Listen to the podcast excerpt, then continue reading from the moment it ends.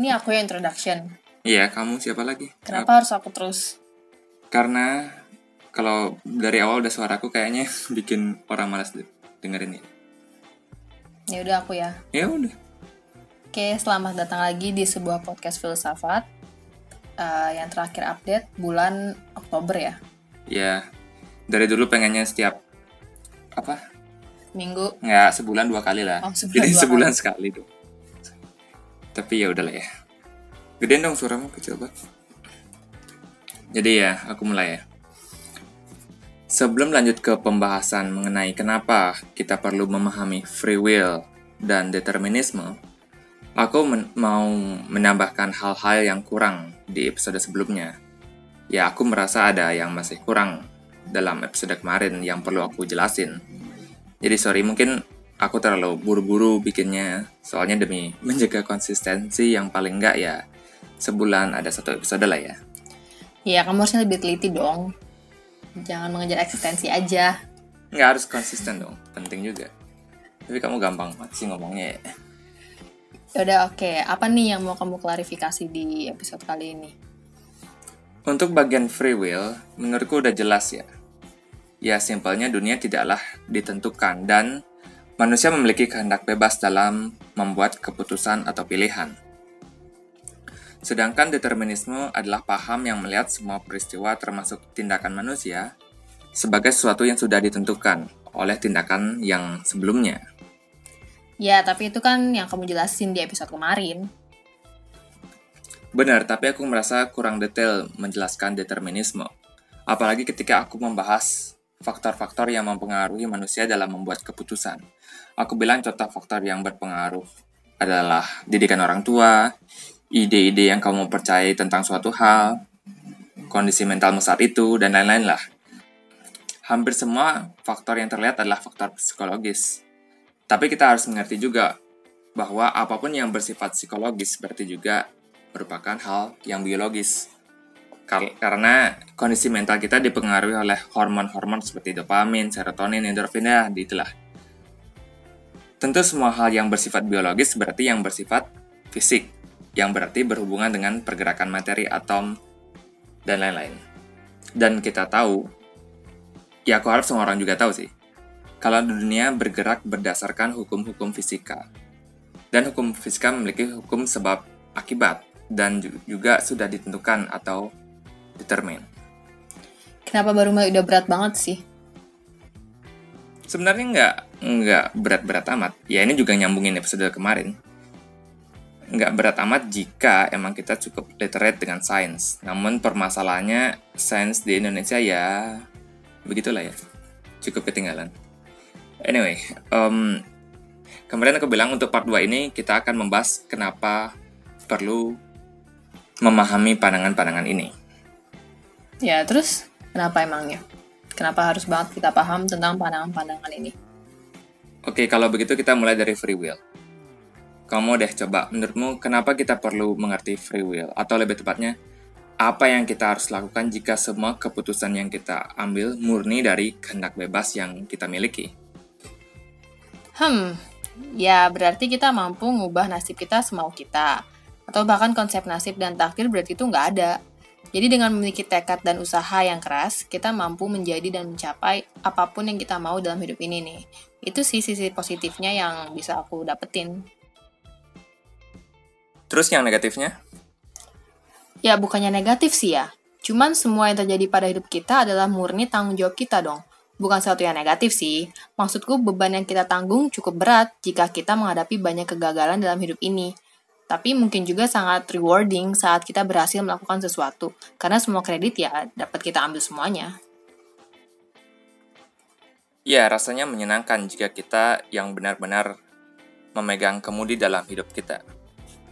Tapi seperti yang kita tahu, banyak hal dalam hidup ini yang kita tidak pilih, yang mana sangat mempengaruhi semua keputusan yang kita ambil. Seperti contoh yang aku kasih di part 1, yakni orang tua misalnya, lingkungan rumah, pendidikan, teman-teman yang kita punya, semua itu tanpa kita sadari atau mungkin beberapa orang sudah sadar, sangat mempengaruhi pilihan yang kita ambil. Jadi, kita kembali ke pertanyaan awal. Are we free Apakah kita bebas?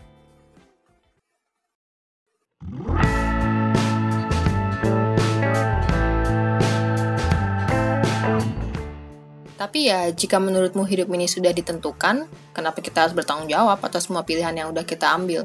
Dan juga semua peristiwa yang udah terjadi. Contohnya nih, kenapa kita harus menghukum orang yang melanggar peraturan?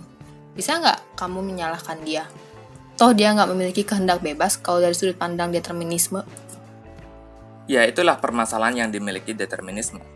Jika semua tindakan manusia sudah ditentukan, kenapa kita minta mereka bertanggung jawab atas kejadian yang terjadi? Dan bukan cuma tindakan yang melanggar hukum ya. Kenapa juga kita memberikan penghargaan kepada tindakan atau campaian orang? Kenapa perlu memberi hadiah Nobel atau apalah, ranking atau apalah?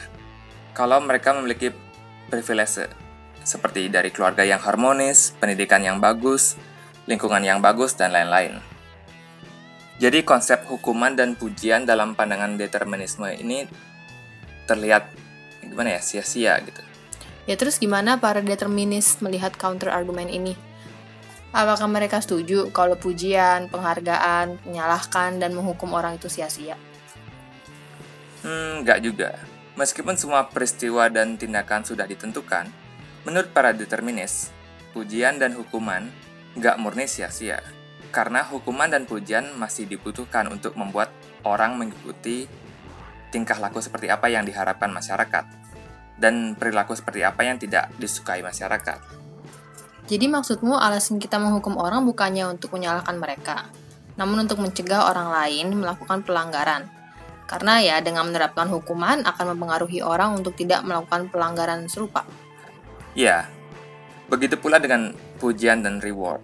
Hal itu akan mendorong orang-orang untuk melakukan tindakan yang menguntungkan masyarakat.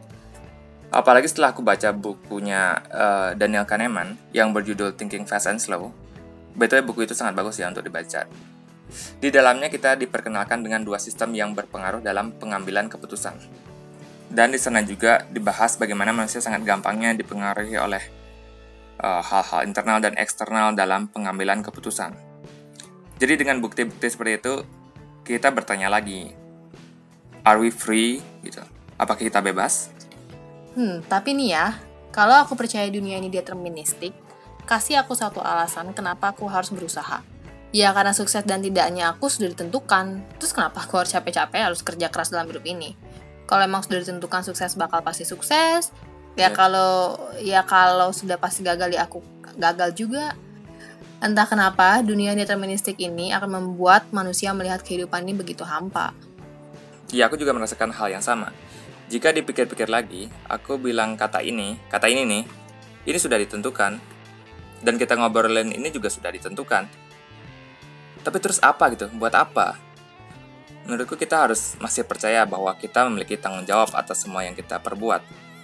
Karena hal tersebut akan membuat kita berkembang menjadi manusia yang lebih baik setiap harinya. Kita yang bertanggung jawab atas kebiasaan buruk yang kita lakukan, maka kita juga yang wajib untuk memperbaiki hal tersebut ke depannya. Tapi balik lagi ya, melihat banyak bukti yang menunjukkan bahwa dunia ini tidak sebebas itu, membuat kita mempertanyakan apakah semua keputusan kita benar-benar murni berasal dari diri kita sendiri. Gitu aja terus muter-muter kok kayak nggak ada ketemu titik terangnya ya. Ya, emang ini masih permasalahan yang filsuf dan ilmuwan belum pecahkan.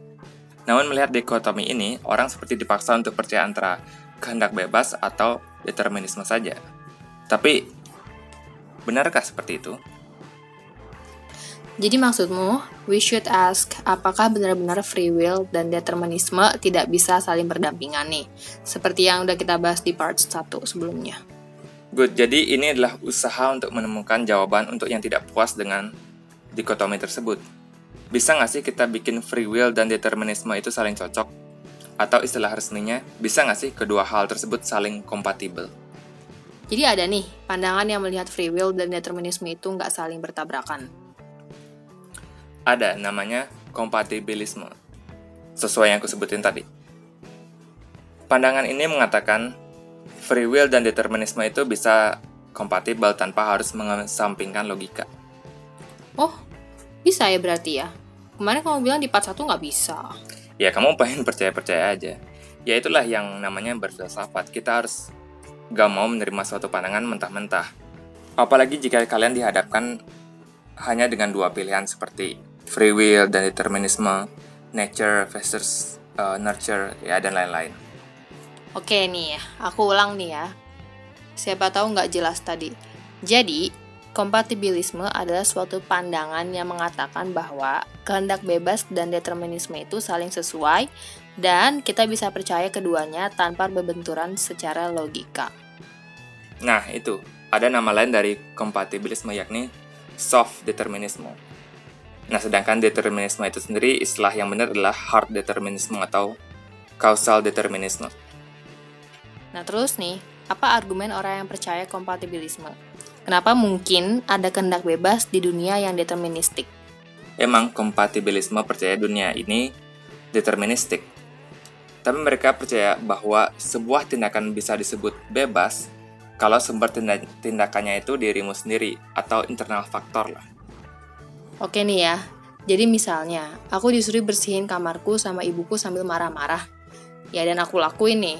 Versus aku bersihin kamarku karena niatanku sendiri. Keduanya berakhir dengan aku membersihkan kamarku. Resultnya sama, cuma bedanya yang contoh pertama bukan disebabkan oleh diriku, sedangkan yang kedua merupakan faktor internal diriku sendiri. Iya gitu, jadi pada hari itu sudah ditentukan bahwa kamu akan membersihkan kamarmu. Tapi jika penyebab terjadinya perbuatan tersebut berasal dari dirimu sendiri, maka perbuatan itu bisa dianggap bebas dalam kompatibilisme.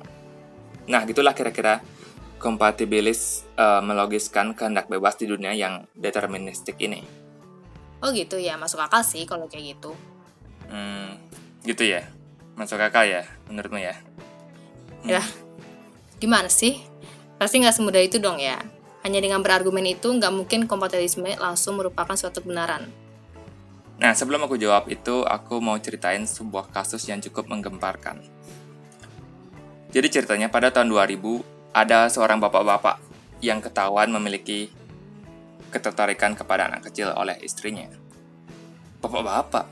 Dan komputernya pun dipenuhi dengan pornografi anak kecil.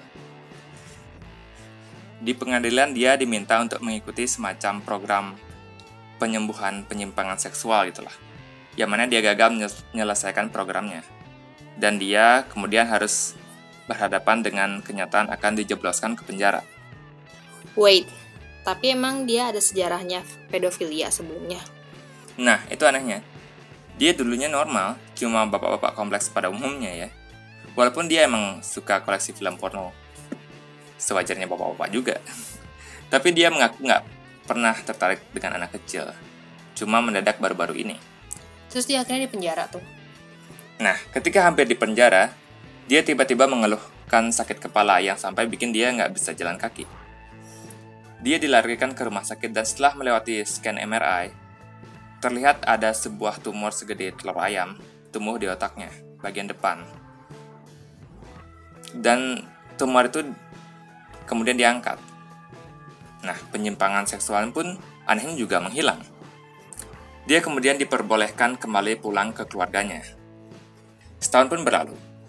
Ketika semua mulai terlihat kembali normal, tiba-tiba keinginan untuk mencari child pornography kembali, yang juga disertai dengan sakit kepala. Setelah otaknya di-scan lagi, ketahuan bahwa tumor tersebut tumbuh lagi. Dan sama seperti sebelumnya, ketika tumornya diangkat, perlahan-lahan penyimpangan seksual yang dia miliki juga sembuh. Dan sampai sekarang nggak ada tumor yang tumbuh lagi sih untungnya dan dia pun hidup normal kembali menjadi bapak-bapak kompleks yang biasa ya kasusnya itu cukup unik dan nyermin sih sebenarnya. Dan sebenarnya dia tahu perbuatannya itu salah. Namun pasti dorongan seksualnya lebih tinggi kan. Iya dia juga merasa jijik dengan dirinya. Itulah pengakuannya dia. Tapi ya mau gimana dong? Kasus ini memunculkan pertanyaan. Apakah perbuatan bapak-bapak itu berdasarkan kehendak bebas? Atau sudah ditentukan oleh tumor yang ada di otaknya? Hmm, iya ya. Jika kita pakai argumen kompatibilisme bahwa hal yang berasal dari dirinya sendiri berarti suatu tindakan bebas. Nah, kalau pada kasus ini nih, bisa nggak kita bilang dia melakukan sebuah tindakan yang bebas? Nah, itu. Hal tersebut menurutku sih bukanlah tindakan bebas ya. Faktanya dia dikontrol oleh tumor yang mempengaruhi dorongan seksualnya. Membuatnya tidak punya pilihan lain selain bertindak seperti pedofilia. Jadi bisa nggak kita menyalahkan bapak-bapak itu atas apa yang ia perbuat? Ya enggak dong, makanya kita tidak menghukum orang dengan gangguan jiwa. Ya walaupun di sini kasusnya disebabkan oleh tumor sih. Oke, kita balik bentar ngebahas tindakan bebas menurut kompatibilisme. Kan mereka bilang bahwa tindakan yang bebas disebabkan faktor internal dan tindakan yang tidak bebas disebabkan oleh faktor eksternal. Tapi bukannya faktor internal juga bisa dipengaruhi oleh faktor eksternal? Coba deh kamu pikirin. Ya juga sih ya. Seperti yang kita bahas di episode tentang diri, bahwa David Hume mengatakan diri itu adalah ilusi. Semua hal yang kita pikir diri kita hanyalah bentukan dari perspektif-perspektif dan ide-ide yang kita peroleh dari lahir sampai sekarang. Mulai dari genetik yang kita peroleh, didikan orang tua, pendidikan formal, teman sepergaulan, budaya, DLL. Ya, maka dari itu, seperti contohmu tadi, meskipun kamu membersihkan kamarmu dengan keinginanmu sendiri, tapi yang membentuk Emilia yang suka bersih-bersih ya faktor eksternal yang kamu jabarin tadi. Oh, aku kira ya, kita udah berhasil membuktikan bahwa manusia itu bebas. Ya, di situlah permasalahan dari pandangan kompatibilisme. Meskipun pandangan tersebut bisa melogikakan adanya kehendak bebas, namun belum bisa menjawab pertanyaan, apakah manusia memiliki tanggung jawab moral atas tindakannya? Apakah manusia pantas menerima hukuman ataupun menerima pujian? Ya kan itu sebenarnya tujuan kita mencari kehendak bebas. Jadi ini semua berakhir dengan jalan buntu. Bukannya jalan buntu sih. Cuma ini merupakan permasalahan mendasar manusia yang filsuf dan saintis sedang coba untuk pecahkan. Ada beberapa pemikiran alternatif tentang permasalahan free will versus determinisme ini. Salah satunya adalah dari Patricia Churchland. Dia adalah filsuf analitik yang berasal dari Kanada tapi dia juga berkewarga negaraan Amerika. Dia mengatakan bahwa daripada sibuk mempertanyakan apakah kita bebas, pertanyaan yang lebih tepat ialah seberapa banyak kontrol yang kita miliki. Oke, berarti kayak orang batuk-batuk nih. Kita nggak bisa menyalahkan orang yang batuk-batuk, tapi kita bisa menyalahkan kalau dia batuk-batuk di depan mukaku. Karena kita tahu for a fact bahwa manusia bisa mengarahkan kepalanya ke arah lain saat batuk. Saat batuk. Gitu? Karena iya dan nggak cuma masalah sekecil itu. Ya walaupun masa pandemi ini kena batuk orang itu masalah gede. Ya contoh lain seperti minum alkohol. Jika kamu tahu kalau kamu bakal bawa kendaraan habis uh, pesta minum alkohol lah pakai ya ja, ya kamu jangan minum banyak karena kamu punya kontrol atas berapa banyak kamu akan minum gitu Apalagi kalau mabuk rese. Aku nggak tahu sih, contoh ini relevan atau nggak sama orang yang dengerin ini. Anyway, ada juga ide dari Daniel Dennett. Dia adalah seorang filsuf Amerika, penulis juga dan cognitive scientist. Dia memiliki ide bahwa kebebasan itu berevolusi, bahwa semakin kompleks makhluk hidup, semakin bebas pula makhluk tersebut. Jadi ada degree of freedom atau tingkat kebebasan. Misalnya serangga itu tidak sebebas mamalia. Atau contoh lain kayak lobster hidupnya cuma makan dan kawin mungkin. Aku nggak tahu, aku bukan ahli lobster. Ya, ya, sedangkan kalau gajah mungkin memiliki kehidupan sosial yang lebih kompleks gitu. Lebih banyaklah hal yang mereka bisa lakukan. Jadi opsi mereka lebih luas dan lebih bebas. Jadi manusia itu jauh lebih bebas dari makhluk-makhluk lainnya. Iya, dan dalam umat manusia ada juga tingkatannya beda-beda gitu. Manusia pada umumnya lebih bebas daripada manusia yang memiliki masalah mental. Jadi cukup mirip-mirip juga lah dengan idenya Patricia Churchland tadi. Kalau Churchland kan fokus kepada seberapa banyak kontrol yang kita punya. Kalau Dan Dennett fokus ke tingkatan kebebasan manusia. Gitu sih. Udah ya, sih cukup pembahasan kita. Oke, aku close nih ya. Jadi kita udah ngomongin dari part 1 tentang kehendak bebas dan betapa bebasnya kita menentukan pilihan dalam hidup ini. Lalu kemudian hal itu di-challenge oleh determinisme yang menyatakan semua hal di dunia ini sudah ditentukan. Kemudian kita bahas juga kompatibilisme yang menyatakan bahwa free will dan determinisme itu bisa saling kompatibel. Terus kita juga ngomongin idenya Patricia Churchland tentang self-control dan Daniel Dennett tentang degree of freedom atau tingkat kebebasan. Ya, mungkin kita nggak bakal bisa menemukan kebebasan yang kita cari. Namun, hanya karena filsafat dan sains mengatakan dunia ini deterministik bukan berarti kita harus pasrah saja dalam hidup ini. Kalau aku nggak terlalu merasa determinisme berguna ya dalam hidupku, ya kita harus bertanggung jawab atas perbuatan yang kita lakuin. Iya, kamu kan nggak bisa nyuri barang di toko terus pasti tangkap polisi alasanmu karena saya udah ditakdirin nih buat jadi pencuri. takdirku jadi pencuri. Maka dari itu meskipun dunia ini deterministik, aku rasa kita harus pura-pura memiliki kehendak bebas. Ya biar kita berhati-hati dalam membuat keputusan dalam hidup ini. Tapi bukan berarti determinisme tidak berguna ya. Aku menggunakan pandangan determinisme sebagai cara untuk memahami orang lain.